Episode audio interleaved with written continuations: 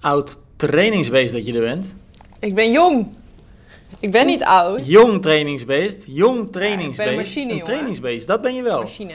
Ik hoor ja, machine. Ik, ik zat zelf eigenlijk te denken aan... Ja, Bulldozer. ja, nou ja, machine. Ja, eigenlijk is machine denk ik wel het goede woord. Want ik hoorde je natuurlijk vorige week al een beetje eh, eh, enthousiast vertellen over je training. En net hebben we eigenlijk al, eh, nou ik denk zeker eh, 20 minuten met elkaar volgesproken over jouw moordschema's die je nu in de sportschool aan het uitvoeren bent. Ik denk dat Matthias, en Matthias van Athlete Sportswills, die haakt straks aan. Ik denk dat hij trots is op je. Ik, hij weet niet wat hij hoort, denk ik. Hij maar dat is ook typisch ik weer, want dan ga ik ook meteen heel overdreven. Dus eh, ja, het is alles of niets. En het is op het moment even alles. Dus eh, ja. maar ik zat al wel...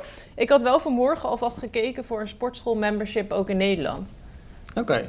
Dus Maar dat denk duurt nog wel even voor je weer terug bent. Ja, dat duurt nog vier, vijf maanden of zo. Maar ik dacht, ik liep een beetje op de zaken vooruit. Nou, ik wil het toch even gezegd hebben in deze podcast. Want we hebben natuurlijk vaker met je, of met elkaar hebben we het, eh, ook dat Arjan er nog bij was, hebben we het natuurlijk best wel een aantal keer geprobeerd Mhm. om je weer lekker aan het sporten te krijgen. Nou ja, even voor de duidelijkheid, het is niet dat jij eh, zeg maar op de bank zit en niks doet. Maar Mhm. we hebben daar natuurlijk een beetje over gegrapt. Van joh, eh, ga weer lekker een keer een triathlonnetje doen of wat dan ook. Een beetje hardlopen. Mhm. Nou, maar je hebt nu echt de smaak te pakken. Dus dat is Ja. mijn complimenten. Nou, bedankt. Hé, hey, maar Romy. Ja?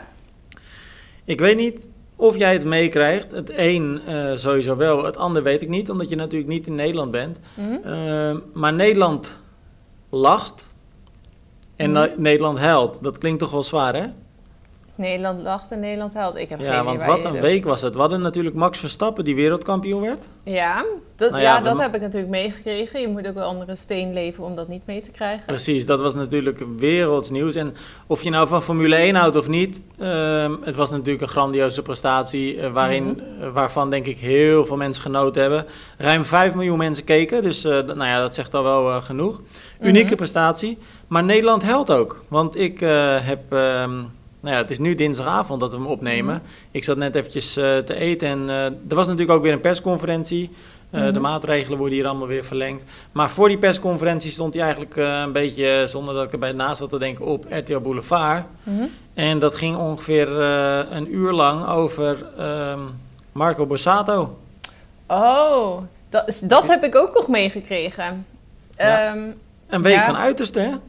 Maar ik weet niet precies wat er is eigenlijk. Alleen dat hij weer vreemd is gegaan of zo. Dat hij dat doet op de Nee, stage, nee, volgens nee, mij. nee. Hij, heeft, eh, hij wordt nu beschuldigd dat hij eh, aan jonge meisjes heeft gezeten. Wat? Ja, exact. Aan echt jonge meisjes. Ja, gewoon van 15 jaar, 25 15 of jaar, zo. 15, 16 jaar.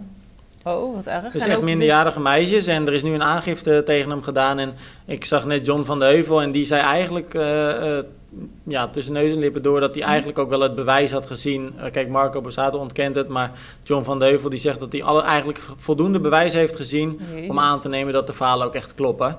Wat Dus- erg. Maar die meisjes, was dat machtsmisbruik dan of zo? Of, ja, niet Ja, ik weet, eh, ik weet er natuurlijk ook eh, niet heel veel van. Ik ben liever bezig met triathlon dingen. Maar eh, wat ik dan van het nieuws begreep is dat hij eh, een vriend van een bepaalde familie was. En die, die vader van die familie die ging op een gegeven moment dood. En toen heeft hij zich een beetje opgeworpen als ja, soort eh, troostende ja, soort vader, zeg maar. Hmm. Maar dat is een beetje uit de hand gelopen allemaal met dat meisje. Heftig. Nou, ik, heb Ja. wel het idee ook, maar ik heb geen idee hoe dit zit. Maar dat die man op het moment sowieso echt niks goed kan doen.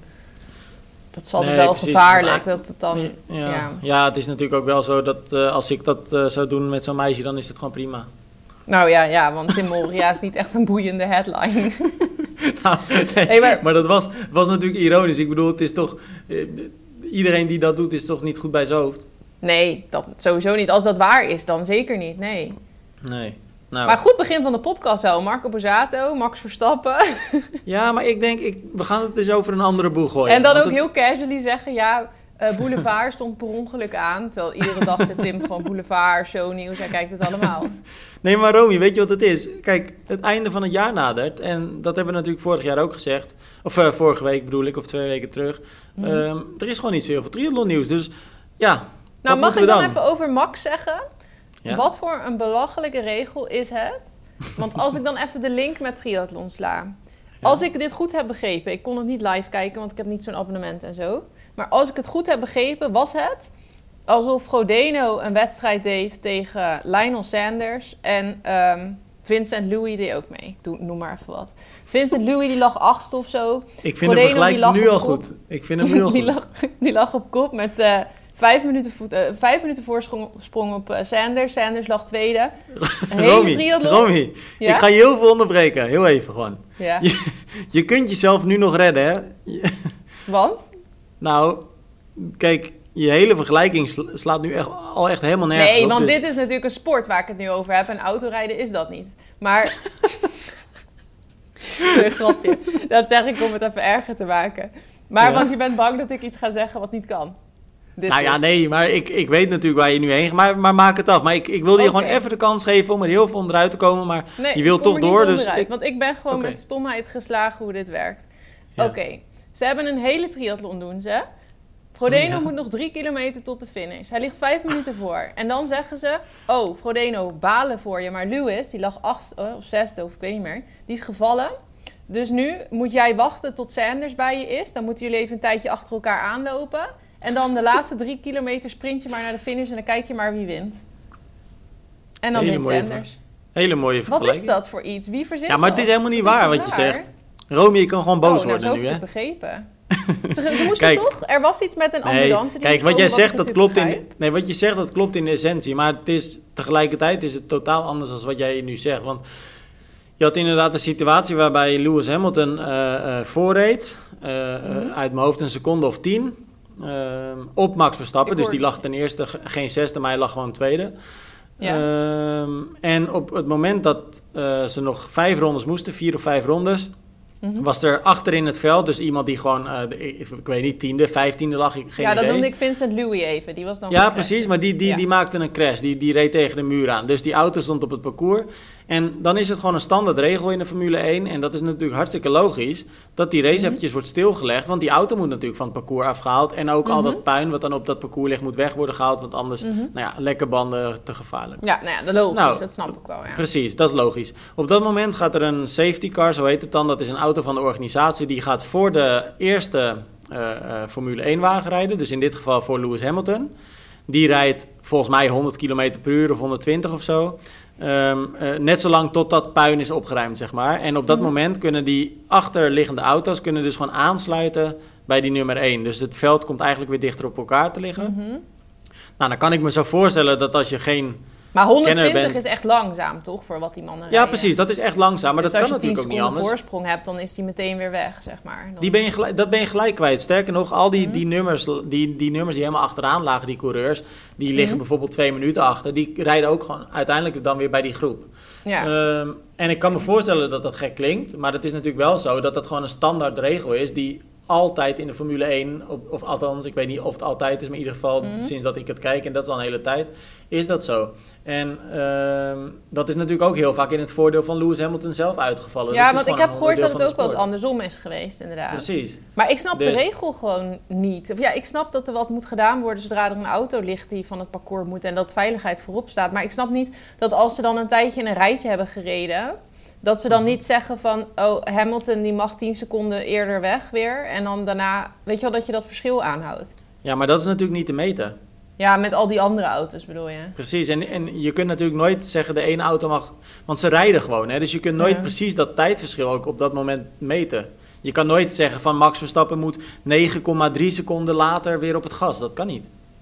Ja, nou ja, ik gok dat ze met hun apparatuur dat vast wel ergens zouden kunnen zien. Maar waarschijnlijk zijn de Ja. regels gewoon altijd al zo en veranderen ze dat niet. Maar ik precies, vind het en het wordt natuurlijk ook een beetje ondoorzichtig dan.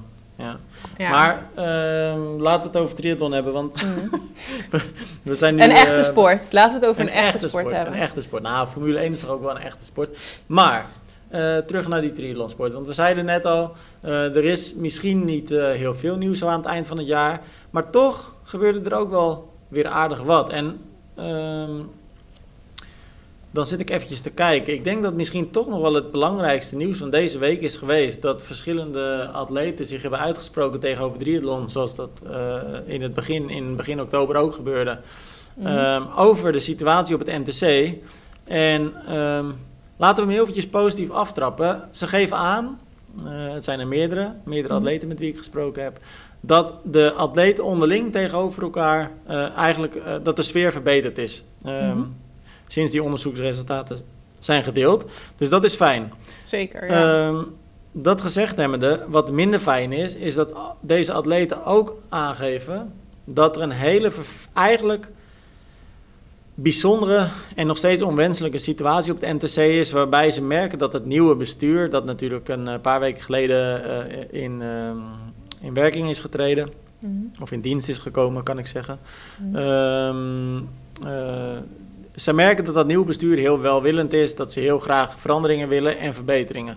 Maar tegelijkertijd zitten er nog een aantal sleutelfiguren binnen de staf op hun positie, waar ze ook voordat de problematiek zeg maar, naar buiten kwam, eh, daar zaten ze toen ook. Mhm. En deze sleutelfiguren, en met name Adrie Berg, technisch directeur, wordt dan eh, genoemd. Mhm. ik, ik hou niet, niet van om hem zwart te maken, maar ik zeg alleen wat deze atleten aangeven. Ook met voorbeelden erbij, die echt wel schijnend to- toch weer zijn.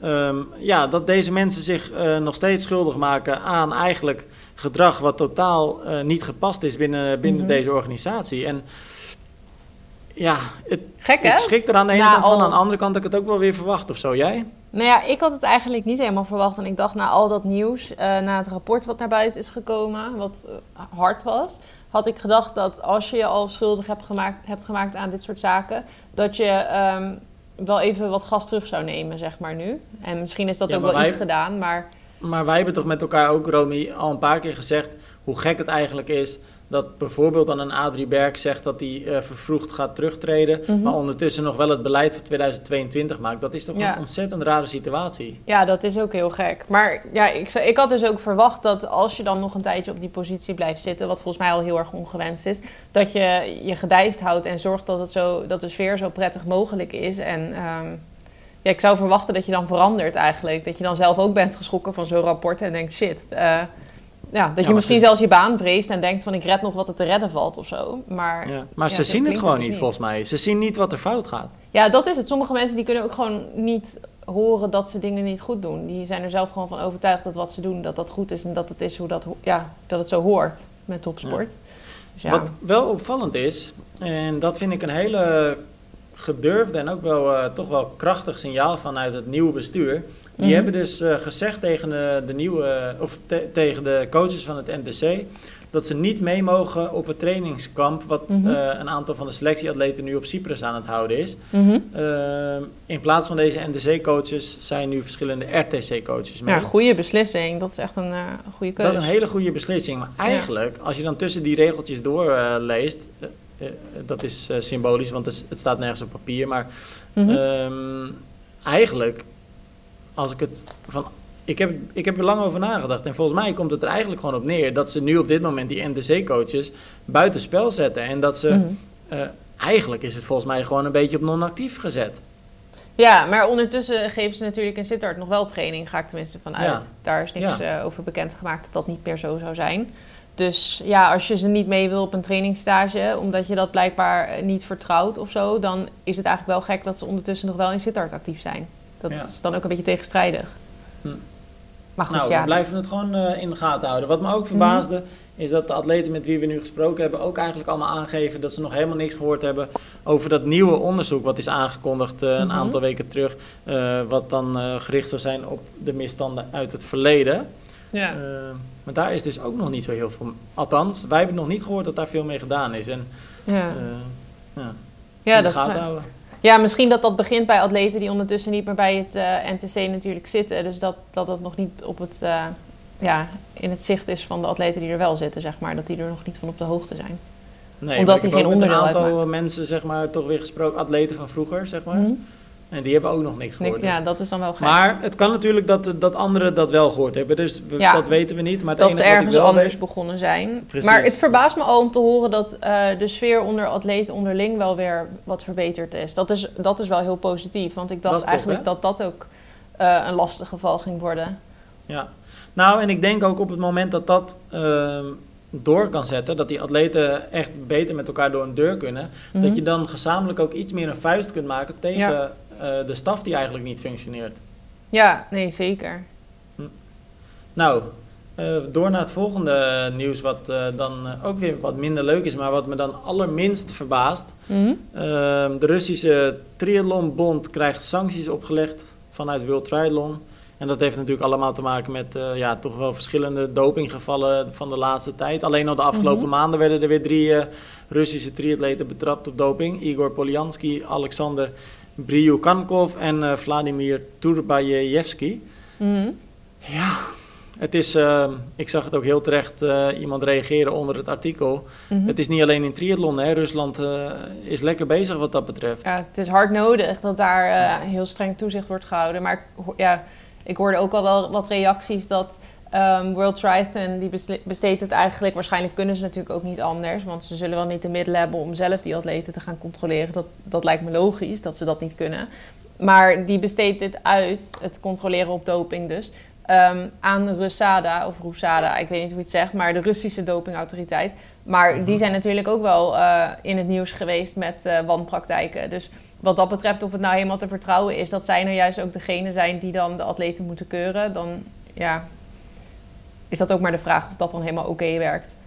Ja, ja, ja. Het is, eh, ik, eh, want ik zie het jouw artikel eventjes door te gaan. En het is best een lijstje met sancties die ze opgelegd krijgen. Mhm. Onder andere geen, eh, geen World Triathlon. Ze worden eigenlijk best wel uitgesloten. precies, ja. Nou ja, ik hoop dat het wat gaat veranderen. Maar ik moet heel eerlijk zeggen, ik vraag me dat toch af hoor, of dit dan helpt. Ja. Nou, eigenlijk is het tot nu toe dus zo dat die atleten mogen nog wel racen. Ehm, Ja. en Dat is eigenlijk het enige wat ze mogen, want ze mogen geen juryleden meer sturen vanuit Rusland bijvoorbeeld. Ehm, Nee. Rusland mag zelf niks meer organiseren.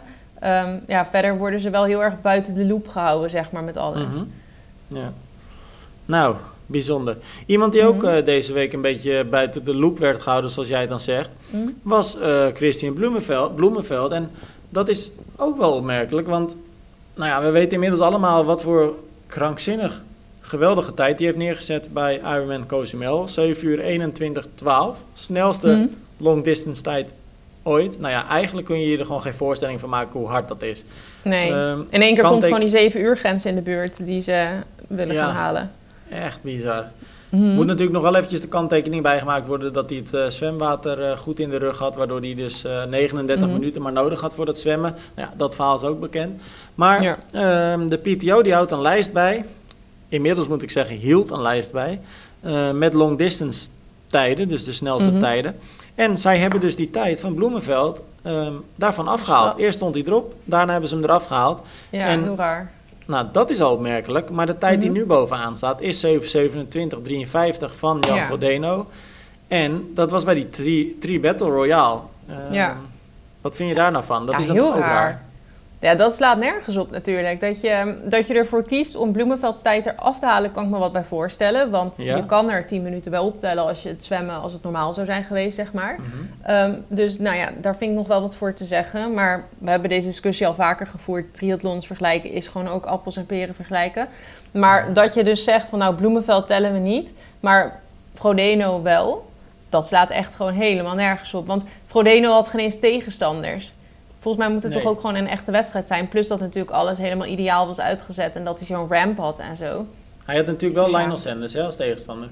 Ja, oké, één dan. Die heeft hij ook niet echt veel gezien trouwens. Nee, die heeft hij eigenlijk helemaal niet gezien. Maar Ja. het is volgens mij het grootste probleem, is precies wat jij zegt, die Rams.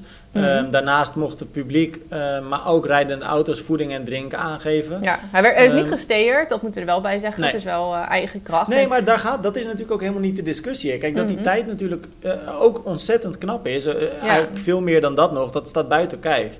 Weer maar was ook dan- slecht die dag, dus hij laat wel zien dat hij het kan. Ook Ja. Nee, maar dat is natuurlijk ook helemaal niet de vraag. En dat, maar dat Mhm. geldt ook voor Bloemenveld. Alleen, het is dus heel raar als je als PTO dan zegt... Ja. één tijd eh, telt niet en de ander wel. Nou ja, vervolgens kwam er dus ook best wel eh, veel kritiek op. En toen hebben ze dus besloten die hele lijst offline te halen. Dus nu hebben ze gewoon Ja. geen lijst met snelste tijden meer. ja, maar nu hebben ze dan een lijst met meeste punten. En dat slaat dan ook weer zo nergens op, want die punten, dat blijft ook gewoon een vaag verhaal. Ja. Nou, daar Ja. hadden we het natuurlijk vorige week heel toevallig ook over. Ja, dat blijft ook Ehm. echt natte vingerwerk, zeg maar. Ja. Ja, ja want Dus bijvoorbeeld en- Frederik Funk die noemde dat gewoon een loterij. Ja, maar zo'n lijst boeit me ook eerlijk gezegd dan helemaal niks met punten. Dat vind ik echt zo niet interessant. Dan heeft iemand 107 punten, ja nou en. Ja, dat, maar een lijst met tijden zegt me eigenlijk, dat doet me ook helemaal niks. In ieder geval niet als je selectief gaat bepalen Nee, welke tijden niet. erop komen. Nee, maar als je gewoon, als je het een soort van probeert eerlijk te doen, eh, als je bepaalde regels aanhoudt, dan is het nog wel leuk om te kijken naar wat dan de snelste long distance tijden zijn. Maar denk dat er gewoon strenger moet worden gecheckt of eh, ja, dat de afstanden kloppen. En ik vind het ook logisch dat een parcours van niet van A naar B is, maar gewoon een ronde. Ik denk dat je daar gewoon regels voor moet hebben. Dat je dan een wereldrecord alleen toekent als, het, als de afstanden kloppen. Of een bepaalde afwijking maximaal mogen hebben of zo. Ja, Mhm. en niet A naar B. Nee. Of je moet gewoon helemaal afstappen van het idee van een wereldrecord, maar gewoon alleen Ja. Ja. tijden ter kennisgeving, zeg maar. Ja, zo'n wereldrecord dat zegt natuurlijk uiteindelijk ook weer ja, niet echt veel. Maar het- mensen het vinden het toch wel weer leuk om ja, soort van te weten hoe snel het dan kan. Wat, Mhm. wat mogelijk is. Maar weet je, dat geldt natuurlijk ook, daar ben ik ook wel eens over aan, denk, aan denken. Van, kijk, triathlon is natuurlijk bij uitstek een sport waarbij atleten altijd met een bepaald doel starten. Hè? Kijk, als iemand aan een halve start, dan willen ze bijvoorbeeld onder die vijf uur duiken of onder die zeven uur duiken, afhankelijk van het niveau. Maar ze hebben altijd, je hebt altijd een tijdsdoel eigenlijk. Ja. Dat geldt nou, zeker ook voor de hele, iets minder misschien voor de wat kortere afstanden, maar zeker vanaf die middle distance en long distance eh, ken ik eigenlijk geen atleten die gaan starten om de finish te halen. Want Mhm. altijd hebben ze toch wel een tijd in hun hoofd. En Ja. dat kan snel zijn of minder snel. Maar dat is ook gewoon heel lastig. Want afhankelijk van welke race je kiest, het fietsparcours kan te kort zijn. Het kan net Mhm. iets te lang zijn. Je kunt ehm, een loopparcours hebben met veel hoogtemeters of juist niet. Of ja, maar en los Eh, daarvan heb je nog de weersomstandigheden. Precies. Gewoon. dat wilde ik ook nog zeggen. Dus Ja. dat blijft sowieso altijd heel lastig, hè? ja, dat is het ook. Want ja, dan kan je heel teleurgesteld zijn als je een hele onder een bepaalde tijd wil finishen en het vervolgens hagelt. Of nou, hagelt, dan lasten ze het misschien af. Maar ja, dat het gewoon echt stormt. Ja, dan vervolgens lukt dat natuurlijk gewoon niet. Nee. En dan moet je dan teleurgesteld zijn. Dan kun je misschien, doe je er dan een half uur langer over, maar lever je wel een topprestatie. Doordat je ondanks dat alles nog zo goed hebt geraced, zeg maar. Dus ja. Mhm. Maar ik snap het wel. Het is wel een soort van leuk om dan te zeggen wat je beste of je snelste tijd ooit was op een triathlon en zo. Tuurlijk. Ja, ja, ja, ja. Hey, daarover gesproken. ehm, het is ook wel een memorabele dag voor mij. Ja? Je een PR te vandaag- pakken? Nee, dat niet. Maar ik heb wel vandaag voor het eerst weer achter elkaar meer dan 10 kilometer gelopen. Oh, lekker. En nergens 50 last. Helemaal eh, Nee. fit. 50 minuutjes gelopen. eh 10,6 kilometer geloof ik. 4,42 eh, per kilometer. En dat voelde allemaal lekker ontspannen. Dus Dus die ik, krachttraining, die werkt toch wel? het werkt echt. Dus dat is echt fijn. En nou is het natuurlijk even... Nou, ik sla gewoon even op mijn bureau. Even kijken of je het kan horen. Dat denk ik wel. Ehm, ik tik het natuurlijk even af, ik klop het af. Hopen dat het zo blijft. Mhm. En, ehm, maar dit biedt in ieder geval wel hoop. Dat is wel prettig. Ja, dat is echt fijn. Want de vorige keer toen je weer stapjes ging zetten, zeg maar, toen kwam je niet zo ver als dit, toch? Precies, dus echt eh, top. Over blessures Fijn. gesproken. Mhm. ehm, we hebben het natuurlijk vorige week over Vincent Louis ook gehad, hè, die hard en val kwam. Ja. Eh, hij werd aangereden tijdens Ironman 70.3 ehm, Indian Wells, Mhm. Amerika. En vervolgens was zijn vriendin Taylor Spijver die heel veel eh, kritiek uit op Ironman... dat de organisatie slecht is eh, bij Ironman... en dat de veiligheid ook nooit eh, goed genoeg is. Mhm. En toen vroegen wij ons eigenlijk allebei af, is dit terecht? En toen hebben wij besloten dat eens eventjes te vragen via een poll. En er werd veel op gereageerd. Mhm. En op zich verbaasde het me een klein beetje...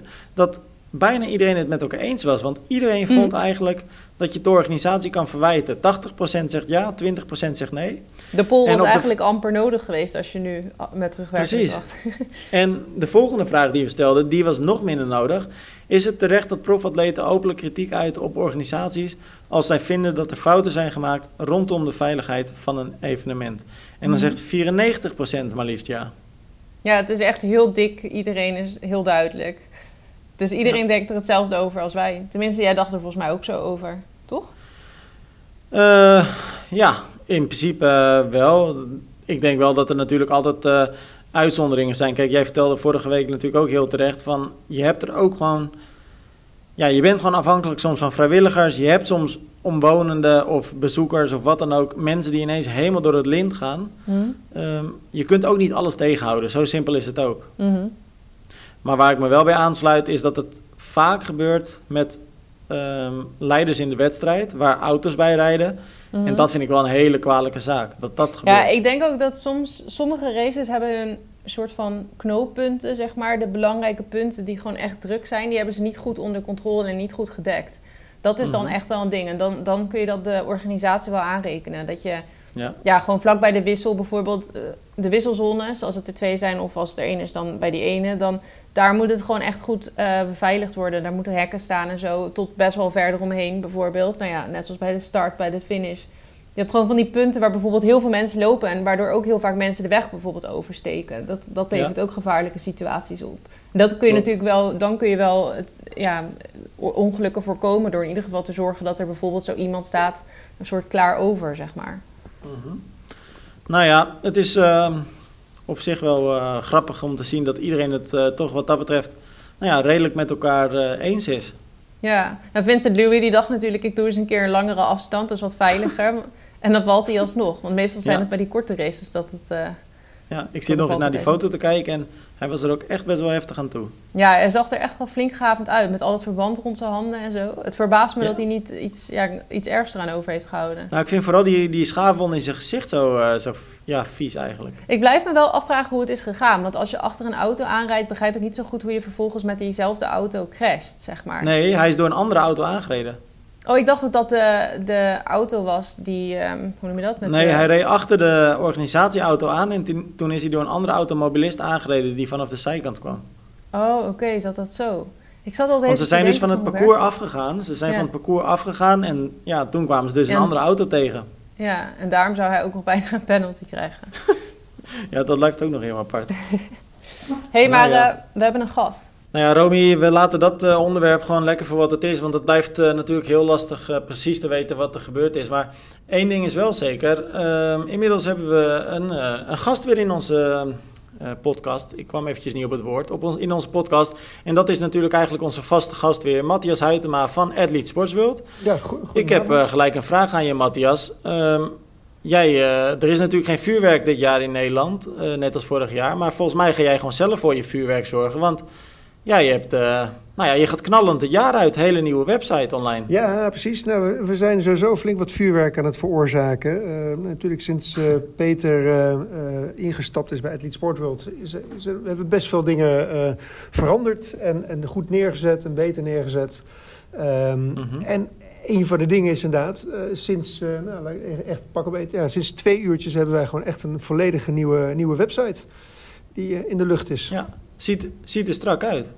Ja, dat was ook inderdaad... eh, Jij stuurde hem, eh, je, je zegt ja, hij is twee uurtjes online inderdaad. Jij stuurde, nou ik denk 1 uur 50 eh, geleden online. Dan stuurde jij het linkje eventjes naar me door. Je zegt kijk, groot nieuws, nieuwe website online.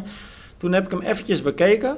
En ik moet zeggen, in de basis is hij, eh, maar ik zou zeggen luisteraars, check hem vooral zelf eventjes. Maar in de basis is hij, nou, hij heeft een beetje dezelfde look. Maar hij is allemaal ja, een stukje overzichtelijker, een stukje strakker. Meer aandacht voor beeld. mooi. Ja. Eh, Ja. bewuste keuzes, denk ik ook Ja, dan wel. hè? absoluut. Ehm, eh, w- wat we vooral wilden is, is een duidelijkheid en, en zorgen dat mensen makkelijker de, de producten kunnen vinden. Ehm, ook weer een, een opsplitsing in sporten. Dus eh triathlon gedeelte, zwemgedeelte, fietsgedeelte. Nou, en, en, en, maar ook vooral ehm, eh, veel meer visuals inderdaad. En dat gaan we ook veel Ja. meer toepassen. Ehm, we hebben nu de website neergezet als basis. Ehm, En wat we straks gaan doen is veel meer ook storytelling eh, op de website. Met de merken, met de producten. eh, veel meer kennisdeling en informatie toevoegen aan de, aan de producten. En wat moet ik me dan precies bij storytelling eh, eh, bedenken? Wat, wat moet ik me daarbij voorstellen? Nou, juist ook eh, in, in woord eh, eh, en, en in plaatjes ook veel meer duidelijker maken waarom een product eh, zo goed is of waar een product nou voor bedoeld is. Ehm, Mhm. Dus ja, daar, daar gaan we veel meer eh, visuals voor gebruiken. En dus veel meer het verhaal Ja. vertellen van het product. Ehm, Eh, eigenlijk kan ik me zo voorstellen dat het een beetje is de beleving die je een atleet, een bezoeker eh, bij jullie in de winkel wil geven. Die wil je eigenlijk een beetje doortrekken, of in de, in de showroom moet ik zeggen, ehm, eh, wil doortrekken naar online. Is, zeg ik het dan goed? Ja, niet, niet alleen een beetje. eh, het, het, zou voor- het maakt voor ons niet uit of, of iemand bij ons in de showroom komt of dat hij online Ja. aan het kijken is. Op, op alle plekken en, en ook in het contact met, met de klantenservice. Ehm, op elk moment moet de, de, de, de klant dezelfde beleving krijgen en hebben. Hoe was eh, de afgelopen periode voor je? Want het is natuurlijk Black Friday geweest, daar hebben we je vorige keer eh, kort over gesproken. Ehm, nu eh, is Sinterklaas natuurlijk net achter de rug, kerst staat voor de deur, feestdagen dus. Ehm, nou, als ik naar mezelf kijk als triatleet, dan ben ik altijd een beetje, zeker nu rond kerst, ga ik weer een beetje denken van oké, wat heb ik nodig? En ehm, eh, nou ja, ga ik misschien een leuk cadeautje voor mezelf kopen? Klinkt een beetje raar, maar zo ben ik dan. Maar volgens mij ben ik niet de enige en anders koop je ook wel cadeaus voor anderen. Of je zet het op je verlanglijstje. Ja, dat, ja, precies. Anders koop je het voor een ander wellicht of dat je het vraagt aan iemand. Mhm. Ehm, maar, maar ik kan me dus voorstellen dat het drukke tijden voor jullie nu zijn, of niet? Ja, het is, aan de ene kant is het, eh, is het druk. Uh, andere kant ook voor, ja, uh, wanneer kopen de triatleten hun nieuwe tri-suits in, in, in het algemeen? Dat is echt Ja. in het voorjaar. Dus ja, uh, we zijn, we zijn gebo- seizoensgebonden. Uh, dus meestal zie je inderdaad, nou, de, de, de grote drukte is vaak vanaf maart, april en oplopend in het seizoen. Um, en dit is natuurlijk ook vooral een, een, periode waar mensen inderdaad cadeautjes voor zichzelf of voor anderen kopen. Um, en dan zie je weer een heel ander deel van het assortiment wat, uh, wat, wat meer verkocht wordt. De kleinere dingen misschien. Ja, Ja, he- ja. onwijs veel sokken. Uh, weet je, dus Nou, dat wilde ik net Oh ja. zeggen. Je kunt binnenkort een, een bestelling van mij verwachten met inderdaad waarschijnlijk weer sokken ook. ja, En elastische veters. Ik zit daar ook nu. Ik zit op jullie site nu naar de elastische veters te kijken. ja, ja oké.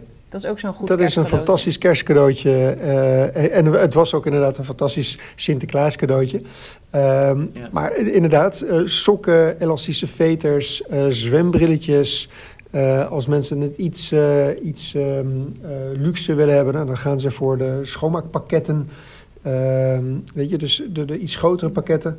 Eh, maar het is inderdaad ja, de tijd eigenlijk van de, van de leuke kleine cadeautjes die je, die je aan elkaar kan geven en, eh, en onder de kerstboom kan leggen. Heb je nou nog een leuke Ja, leuk. tip wat dat betreft? Als je zegt van nou, dat is nou echt leuk om eh, te geven. En dan niet inderdaad die sokken of die, die, die elastische veters bijvoorbeeld. nee, ik wilde net zeggen, pas op, vanaf morgen komen de, de, de nieuwe sokken van eh, Lucie Charles eh, op de Ah, website eh, van Hmm. Sporks. Eh, en binnenkort krijgen we ook weer een hele leuke serie van eh, In Silence. eh, eh, en dat is echt wel gaaf. Daar, be- de- de- daar moet ik zeg- zeggen, dat, ze, dat hebben ze echt heel goed gedaan. Is sokken van eh, gerecyclede eh, visnetten. Mhm. Ehm, ja, dat vind ik fantastisch dat, dat, dat, dat een merk eh, op die manier met sustainability bezig is. Ehm, ja, ja, en voor de rest, wa- wat er leuk is, is, is, is het eh, Paint Cave Pack van Dynamic. Eh, een, een pakket waar alles in zit wat je nodig hebt om eh, je fiets optimaal te hebben en te houden voor je indoor trainingen. Cool. Dan gebruik je die zelf ook, of niet, Matthias? Want ik zie jou nu, ik, ik, zag, ik volg die sowieso al op Strava. Maar volgens mij ben jij de laatste tijd veel op je, op je, op je nou, ik weet niet of het een tax is, maar in ieder geval ik zie je veel op Swift rijden. Ja, ja, klopt, absoluut. Ik ben een, eh, inderdaad weer Ja. begonnen. Eh, het indoorseizoen is, eh, is weer van start. Maar ik zie Dus, eh, wattages voorbij komen. Het begint me gewoon een beetje te duizelen, joh. Schrik je ervan? Ja, hij Ja. rijdt hard hoor. Ja, nou, eh, nu- nu, nog omzetten op, in snelheid op de weg. Dus dat zou, Ja, dat zou wel fijn zijn. Ehm, nee, ik, ik moet zeggen, fietsen is wel mijn sterkste gedeelte. Dus Ja. eh, hardlopend, als je op, op mijn Strava kijkt, dan eh, zul je niet veel activiteiten zien. Eh, en en zwemmend, zwemmend ook niet, hoewel ik het zwemmen echt wel weer moet gaan oppakken. Eh, maar fietsen is inderdaad eh, eh, ja, is mijn sterkste, sterkste punt. Ja. Nou, wij hebben Dus natuurlijk wel met elkaar eh, eh, regelmatig tegen elkaar gezegd... we moeten een keertje gaan fietsen, want we wonen ook niet per se heel ver van elkaar vandaan. Is er nooit Klopt. helemaal van gekomen. Ehm, gaan we misschien nog een keer doen, zou leuk zijn. Maar toen ik dus deze wattages van jou zag in jouw trainingen... toen dacht ik, nou, misschien is het eigenlijk wel goed ook... eh, dat we nog niet gefietst hebben. Nou, mis- misschien, misschien kunnen we beginnen met een, eh, een triathlon eh, indoor eh, meetup. Ja, ja, ja, precies. Dat is wel leuk om te doen. Laten we dat een keer... eh, we, wilden dat sowieso een keer eind dit jaar misschien nog gaan doen. En heel misschien trekken we hem door naar begin volgend jaar. Maar laten we daar... eh, nou, daar gaan we, gaan we op terugkomen. Dat gaan we een keer samen doen. Dat is top. Ja. Ja, helemaal goed. Ja, ik, ik, ik train sinds kort eh, via, via een trainingsprogramma. Ik, ik, ik weet niet of ik het mag noemen, maar Ja hoor. eh, van, van Jim van den Berg, Join. Ja. Ehm, en wat het mooie is, is dat je gewoon je beschikbaarheid kan aangeven, je doel. En hij past hem gewoon per week, en zelfs per dag als je wil, kun je, eh, hij je trainingen aan. En ehm, ik ben iemand in ieder geval die een, eh, een goede stok achter de deur moet hebben. Ja. Ehm, ik, ga niet zelf, ik, ik ga niet zelf mijn eigen trainingen bedenken, maar ik vind het fantastisch als iemand eh, of een programma dat voor mij kan doen. ja, Mhm. tof. Ja, dat kan me voorstellen. Dat Dan heb je gewoon, dan ga je weg de deur uit en dan weet je gewoon wat je moet gaan doen. Ja, en de deur uit of inderdaad, eh, ehm, eh, of, of indoor. Zin, morgenochtend eh, eh, mag ik weer. En deze week ga ik ook donderdag eh, weer naar Amsterdam fietsen heen en weer. Nou ja, dat Ja. pas ik dan aan in de app. En dan krijg ik ook een trainingsschema of een training voor, voor dat stuk. Ah, tof, leuk. En, maar heb je dan Leuk. ook een doel voor volgend jaar of is het wel gewoon puur om het trainen nu? Nou, ik, ik, ik, ik ben denk ik iets ouder dan jullie. Eh, voor mij is het vooral eh, fit blijven en, eh, en, en gewoon lekker buiten zijn. En het hoofdje, hoofdje leegmaken. Nou, en, en, en, als ik een doel heb, dan zal het voornamelijk op, op fietsgebied zijn ja. waar ik mijn tanden in ga zetten. Nou, tof, leuk. We hadden deze podcast toevallig afgetrapt, Matthias. Toen was jij er natuurlijk nog niet bij. Maar ik vind het toch wel leuk om heel eventjes te zeggen. Ehm, want, wat schetst eh, mijn verbazing en ongetwijfeld ook die van jou. Eh, het is, eh, ja, ik weet nou niet per se of het komt door onze aanmoedigingen. Het Sterker nog, we hebben Het wordt nou wel echt een heel groot ding. Ja, maar het is ook een groot ding. Want we hebben tegen elkaar uitgesproken, Matthias, natuurlijk dat we eigenlijk een beetje dachten dat we Romy toch niet aan het sporten gingen krijgen. Maar ze is de afgelopen weken keihard aan het trainen in de sportschool. Zo. Ben aan het liften. Dat is toch mooi, hè? Aan het eind van het jaar. Ja, ja maar ik, ik weet even niet, Romy, zit je nog in Zuid-Afrika? Ja, ja ik zit hier ja. nog tot eh, februari. Oh, Ja. lekker. Ja, dus ik voel me nee, helemaal gemotiveerd. Ik doe trouwens ook een soort indoor fietstrainingen mee af en toe met Evert. Nou, kijk, dan eh, moet, die, eh, moet, die, moet die meet-up toch echt snel gaan komen. Precies. Ja, maar ik heb dan- geen Swift helaas. Anders had ik het wel meegedaan. Nee, maar Evert toch wel? Even toch, ja. Ja, maar ik mag niet op zijn fiets. En hij heeft geen zadel, dus dat is ook lastig. Maar Evert heeft wel vaker ook met onze meetups meegereden. Dus dan in plaats van jou kan Evert in dat geval... Ja, en dan dan- ga jij gewoon dezelfde Evert tijd zal wel krachttraining meedoen, doen. Als Evert op zijn tax kan, want hij moet er nog wat voor regelen, volgens mij ook. Maar dan zal hij zeker meedoen. Top. Ja. Nou, Ja, Matthias, dan gaan wij eh, binnenkort die meetup plannen. Een triathlon Athlete Sports World eh, rit. En dan, eh, nou, wens ik je voor nu eh, vast heel veel fijne, hele fijne feestdagen. Succes ook natuurlijk met je shop weer de komende tijd. Want dat zal ongetwijfeld een leuke periode zijn, denk ik ook. En dan, eh, nou, spreken wij elkaar, eh, ik denk in het volgende jaar weer. In ieder geval in de podcast. Ja, dan ga ik even hard trainen om te zorgen dat ik in ieder geval in het wiel van Evert eh, kan blijven zitten. Maar, Als dat je ben- lukt, dan ik hebben we een hele ben- leuke verrassing voor je. ja, je, je, je, weet, je weet dat je bij, eh, bij Zwift eh, wat kan cheaten. Hè? En dat zijn Dat altijd die, die shortcuts. Maar dat, dat is Dat een andere. waar, dat, is, dat, is een andere aflevering. Matthias, tot de volgende keer. Hey, tot snel. Groetjes. Hoi. Doei. Hoi. Nou, leuk Romy. En eh, ik krijg eigenlijk meteen eh, weer zin in de feestdagen. Dat leeft bij mij eigenlijk helemaal nog niet zo heel erg dit jaar. Nee, ja, bij mij ook niet. Maar ik heb dat sowieso hier nooit. Maar ik zou denken dat jij dat wel hebt. Want jij hebt wel een hele dikke kerstboom al eh, in huis staan, zag ik. Mooie dingen. Ja, is een mooi ding. Is die echt of is die nep eigenlijk? Zou ik niet... Het is wel een neppe, dat wel. Een neppe? Oh, nou, maar dan ziet hij er Ja. wel op afstand redelijk echt uit. Ja, het is echt een hele mooie boom. Maar gek genoeg, over twee weken is het al eh, kerst geweest. Maar ik heb helemaal niet zo heel erg dat idee. En heel apart, want hier de straat hangt ook wel... eh, mensen hebben best wel veel eh, nou ja, bomen buiten met lampjes en zo. Mhm. Maar ja, ik weet Het is in Nederland altijd lekker dat het zo vroeg donker is, vind ik. Dat, of nou, dat is niet echt lekker, maar dat geeft wel een heel kerstgevoel. Ja, dat, eh, dat zeker wel. Aan de andere kant, vorige week eh, of afgelopen zondag had ik een eh, drie uur rit op het programma. En toen moest ik vroeg vertrekken, want toen moest ik, wilde ik natuurlijk per se Max Verstappen gaan kijken. Dus Mhm. ik zat rond acht uur of zo op de fiets. Nou, dat was gewoon nog pikken donker. En Ja. dan is het slecht weer. En ik heb nou 2,5 uur van die drie uur keihard regen gehad. Ja, dan denk ik toch wel, geef mij maar lekker weer die zomer hoor. Maar ik snap ook niet, jij gaat altijd zwiften. Waarom ging je toen dan niet zwiften? Ja, maar juist daarom, omdat ik nu zoveel op Zwift zit. En zeker met die eh, blokkentrainingen natuurlijk. Dus Mhm. eigenlijk probeer ik die langere duurritjes zoveel mogelijk buiten nu te doen. Ja, maar het weer is zo dramatisch Omdat ik dat nu je dan natuurlijk niet... ook een gravelbike heb. Ja. ja, maar je ging niet in het bos, hè? Nee, ik ben gewoon op het asfalt gegaan. Is dat dan niet minder fijn fietsen? Ja, fiets heel veel minder fijn. Maar ik vind dan wel lekker gewoon dat je buiten bent. En ook al was het slecht Mhm. weer. ehm, ja, je bent wel lekker in de natuur, weet je wel. Ja. Lekker frisse lucht. En Ja, dat doet wel goed. uiteindelijk is dat natuurlijk wel lekkerder dan Zwift. Ja, zoals de beversport zegt, niemand is een binnenmens. Laten we hem daar dan mee afsluiten. Eh, want de komende tijd zullen we toch nog eh, veel binnen zitten, denk ik, met die feestdagen. En eh, Eten. nou, eten. Eh, eten en eh, niks doen. Lekker. Ik heb er wel zin in wat dat betreft dan. Nou, volgens mij blijven we best... eh, jij blijft lekker doorpompen in de gym. Ja, ik blijf gewoon mijn trainingsschemaatje doen. En dan spreken, we, spreken we elkaar volgende week gewoon weer. yes. Ciao hè. Doei doei. Bye bye.